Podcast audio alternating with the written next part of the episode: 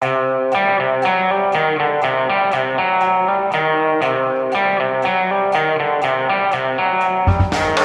er med uh, stor uh, skuffelse at vi må erkjenne at uh, det etter SV sitt syn ikke er politisk grunnlag for å danne en rød-grønn regjering. SV trekker seg fra regjeringssonderingene. Uklart hva slags regjering landet får. Dette er Giæver og gjengen, og det er onsdag den 29. september. Ja, Hanna Skartvedt, av og til skjer det litt i norsk politikk. Dramatikken inntreffer uten at vi helt har planlagt den på møtene våre. Absolutt. Jeg satt i noe helt annet da dette kom, og møtte da når jeg kom ut av dette møtet mitt, folk som var helt sånn Hør, hør! SV trekker seg! Du møtte tekstmelding fra meg. Ta kontakt! Ja. Og så ringer du meg og sier Har det skjedd noe? ja. ja. Og det har det. Altså øh, hastemelding om at øh, Audun Lysbakken øh, sier at SV trekker seg, og sånn jeg skjønner det på han, på alt han har sagt nå i eh, formiddag, så har ikke SV fått gjennomslag for noe som helst i de sonderingene. De føler at de, de ikke har hatt noe å hente der. Ikke på olje, ikke på fordeling, ikke på velferdsprofitører, eh, ingenting. Men nå er det jo sånn, etter en sånn runde så vil jo alle argumentere slik at den kan rettferdiggjøre det som har skjedd. Og jeg vil jo tro at Lysbakken må ha fått gjennomslag på en del for å sitte så lenge, men når han først trekker seg, så må han begrunne det godt. Og da må han dramatisere og si at de har ikke fått noe. Men jeg vil tro at de har fått noe. Samtidig så sier han jo at han er klar til å sette i gang igjen når som helst. Med blanke ark. Ja. Og fargestifter til. Ja, Så at de da altså skal, skal starte helt, eh, helt, på nytt igjen. Ja, uten noen betingelser, uten noen, eh, noe forhåndsavgjort. At da skal de starte helt fra scratch, ja. Er dette et nederlag for uh, påtroppende statsminister uh, Jonas Gahr Støre? Det er klart det. Han har gått til valg på en trekvartpartiregjering. Han har hele tiden argumentert for at det er mulig, og innenfor det er hans plan A. Samtidig så har det jo vist seg, det har vi jo sett, at avstanden mellom Senterpartiet og SV har vært veldig stor, og økende også gjennom valgkampen. Og mye større enn den var sist, i 2005, da disse tre partiene dannet regjering forrige gang. Og ja, fordi altså øh, Nå gikk det jo i, i, samtaler eller sonderinger eller hva vi nå kaller det, og eh, det var, et, øh, det var en, en, ganske reell sjanse for at det skulle bli noe. Samtidig har det jo hele valgkampen, altså Senterpartiet har vært temmelig tydelig, dobbeltkommunisert bitte lite grann, men vært temmelig tydelig på at de i hvert fall ikke ønsket å gå i regjering med SV. SV selv var litt sånn Tja, vi får, vi får se. Det er jo sånn sett ikke så overraskende. Nei, og Forskjellen fra forrige gang var at da var alle tre enige om at de skulle regjering sammen. De var enige om hvem som var deres felles statsministerkandidat. Eh, Senterpartiet har virkelig ikke ønsket å være i regjering med SV. De har drømt om den Arbeiderparti-Senterparti-regjeringen hele tiden. SV ble mindre enn de hadde trodd, og er mye mindre enn Senterpartiet. Motsatt av forrige gang, hvor det var Senterpartiet som var minstemann i den regjeringen. Så det er klart det er mye som har endret seg med maktforhold, og, og SV har nok følt at de har ikke hatt tyngde nok til å gå inn og sette sitt merke ordentlig. Og eh, Senterpartiet, altså Trygve Slagsvold Vedum vil si han, han, han sto jo ikke der og triumferte på noen som helst måte, men på mange måter så er det en triumf for han, dette her? Absolutt. Veldig, vil jeg si. Det er dette han har ønsket hele tiden. Og jeg tenker det er litt som et sånt kjærestepar, hvor, eh, hvor den ene ikke helt vil slå opp sjøl, men sørger for å bli så urimelig og vanskelig at den andre til slutt bare går. Det er jo det SV har gjort nå, antagelig. Det er en utrolig kjip måte å gjøre det slutt på. ja, veldig, veldig kjip måte å gjøre det slutt på. men eh, ja. Eh, og, og, det du da risikerer å få, dette syns jeg er interessant politisk du, Etter det mest radikale i valget i Norge eh, siden eh, første valget etter krigen, så eh, risikerer du å få den mest konservative Arbeiderpartiledede regjeringen noensinne. Og det er klart at det er marerittet til mange i Arbeiderpartiet, og nå får de en kjempefløy til venstre for seg på Stortinget med historisk stort Rødt i forhold til det det noen gang har vært, og uh, ganske stort SV, og MDG, som også vil trekke og dra igjen på klima. Og samtidig som da, hvis, hvis, de ender opp i regjering med Senterpartiet, som vil trekke dem veldig andre veien, så er det ja, det er mareritt for mange, særlig venstrefløya og AUF og de som tilhører den siden i Arbeiderpartiet. Samtidig, Hans Petter Sjøli, du som har eh, greie på venstresida i norsk politikk. Eh, for Rødt var ikke dette så gode nyheter. De hadde gleda seg nå til å liksom skulle holde storesøster SV i, i, venstre øre og ikke måtte ta sånne pragmatiske hensyn hele tiden og sånne ting. Og nå må de isteden spille annenfiolin som uh, radikalt opposisjonsparti i Stortinget. Ja, det blir jo spennende å følge. Jeg tror mange i Rødt tenkte ble litt skuffet nå, ja. Både politisk også fordi regjeringa nå blir blåere enn de har tenkt seg, men også at de får mindre påvirkning på Stortinget. For nå blir det åpenbart at det blir SV som spiller førsterollen på Stortinget. SV er det største partiet til venstre for Arbeiderpartiet, og de kommer til å bli dem som får snakke med regjeringa først og får en, en ganske solid posisjon i Stortinget til å profilere seg på sine hovedsaker. Samtidig så, så jeg jo at F.eks. Eh, Manifest, tankesmie, som jo er ytre venstre sin tankesmie i Norge, de var veldig fornøyd. De, eh, de skrev at, liksom at, eh, at, det er viktig å ha et sterkt mulig, sterkest mulig SV på, på, Stortinget for å kjempe for de sakene som de tror på. Så, så de, de, ser for seg en, liksom, ja, en slags Eh, allianse på, på, ytre venstre på Stortinget da, for å presse regjeringa enda hardere.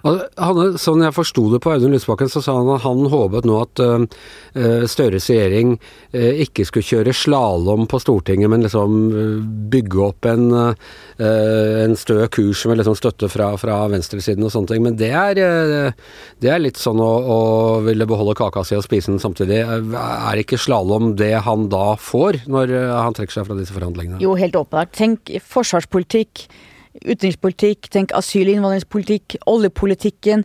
Veldig mange områder hvor en Arbeiderparti- eller Arbeiderparti-Senterparti-regjering vil hente støtte for sine primærstandpunkter på den andre siden. Så det er helt åpenbart at eh, på en del områder vil SV nå miste den innflytelsen de ville hatt dersom de hadde sittet i regjering.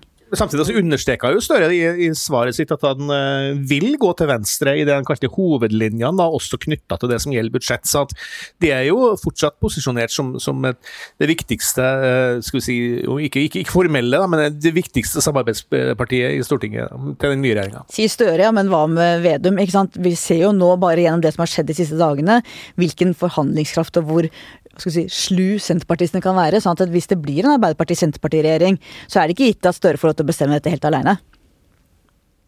Er dette en seier for eh, god gammeldags eh, Senterparti-taktikkeri og forhandlingsstyrke? Det har, de, altså, det har de alltid vært gode til, uansett om de har gått til venstre eller til høyre eller stått uh, midt i sentrum, så har de vært veldig gode til å både manøvrere og, og få til forhandlingsresultater de selv er fornøyd med?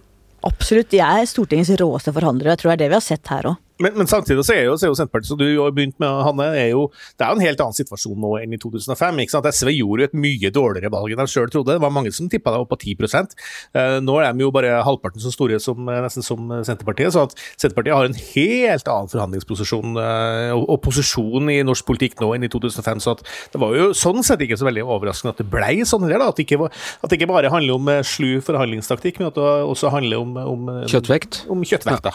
Uh, bare se på alternativene nå. Altså Det mest sannsynlige er da at uh, Arbeiderpartiet og Senterpartiet uh, finner en felles plattform, sjekker at de har støtte hist og pist for de forskjellige tingene, og, og går til kongen. Men er det også mulighet for en mindretalls Når du først har mindretall, så kan du like godt ha, kjøre bare ettpartiregjering for Arbeiderpartiet også? Absolutt, og der er det ulike vurderinger internt i Arbeiderpartiet. Og så det de som var med og husker den første Jens Stoltenberg-regjeringen i 2001. De er livredde for en situasjon hvor Arbeiderpartiet er aleine. For da må man kjempe til alle kanter i Stortinget. Da holder det ikke med å få støtte fra ett parti for de ulike forslagene.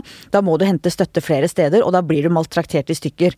Mens andre Kan de lage Raddis øh, Har de flertall med, med, SV, Rødt og MDG? Nei, Nei. det har de slett ikke. Sånn at de må uansett hente enten noe Senterparti eller hvis du legger på dem òg? Nei, Da må du legge på KrF og, og Venstre og Senterpartiet sammen. Okay. Ja, det gamle sentrum, som jo lenge, ikke lenger er sentrum. Eh, mens det andre Arbeiderpartiet er redde for, hvis man eh, går aleine, er jo også det at da kan Senterpartiet over tid gli tilbake over på den andre siden. Et Senterparti som går fritt på Stortinget, og kan bli lokka over, eller forsøkt lokka over av både Høyre og Frp. Da kan det rød-grønne alternativet dø for veldig, veldig mange år framover. Eh, så mange ønsker seg derfor nettopp en Arbeiderparti-Senterparti-regjering. Og, og, det, og, derfor er det jo så viktig at uh, for å forstå hvor, hvor stort gjennomslag Senterpartiet har hatt, det er jo at de har hatt en enorm leverage, fordi de vet jo at Arbeiderpartiet er livredd for at Senterpartiet skal gli over på høyresida igjen. Så de har hatt en helt fantastisk sånn uh, forhandlingsposisjon her. Altså. Og ikke bare har hatt, men har. Og øh, er det mulig å tenke seg, la oss si at det ble Arbeiderpartiet, og at uh, Senterpartiet da går mer til høyre, at de, at den borgerlige side da uh, kaster mindretallsregjeringen til Støre og selv overtar? Jeg tror ikke ikke, tror jeg, denne perioden. Det er vanskelig eller farlig å spå framover, men jeg tror ikke denne perioden. Men over tid, hvis du ser lenger fram i tid, så kunne du sett for deg at det ble et alternativ f.eks. ved neste stortingsvalg. Da. Altså Senterpartiet har mange velgere som de fikk fra særlig Frp, men, men også fra, fra Høyre. Absolutt, og de har jo snudd før. Jeg var i Stortinget den kvelden i høsten 1990 da Anne Inger Lahnstein tok Senterpartiet ut av Syses, Høyre Syses regjering og pekte på Gro. De er jo et parti som har eh, vært på flere sider. Hva vil dette gjøre med høyresiden, eh, tror du, Hoppe? Uh, du mener høyresiden på Stortinget? Altså, ja, altså Fremskrittspartiet, f.eks. Hva de tenker fremover nå? Nei, de, de vil jo groome, groome Senterpartiet, vil jeg tro.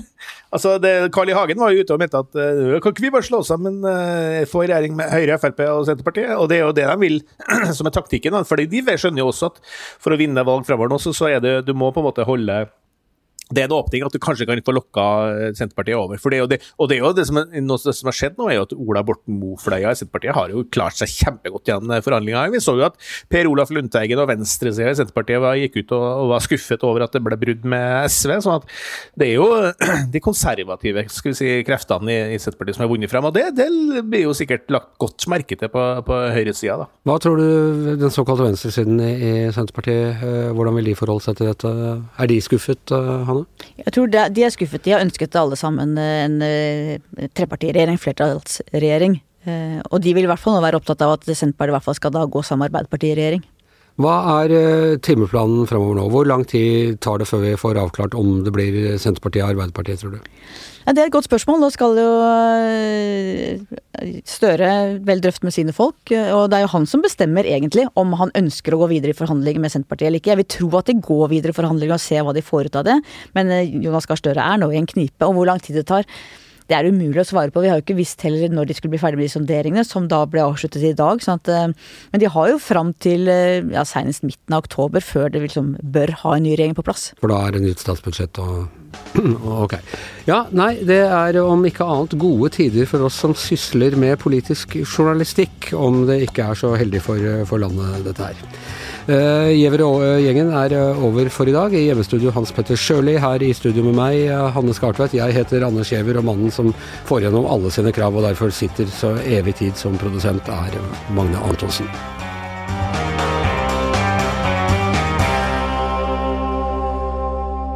Du har hørt en podkast fra VG.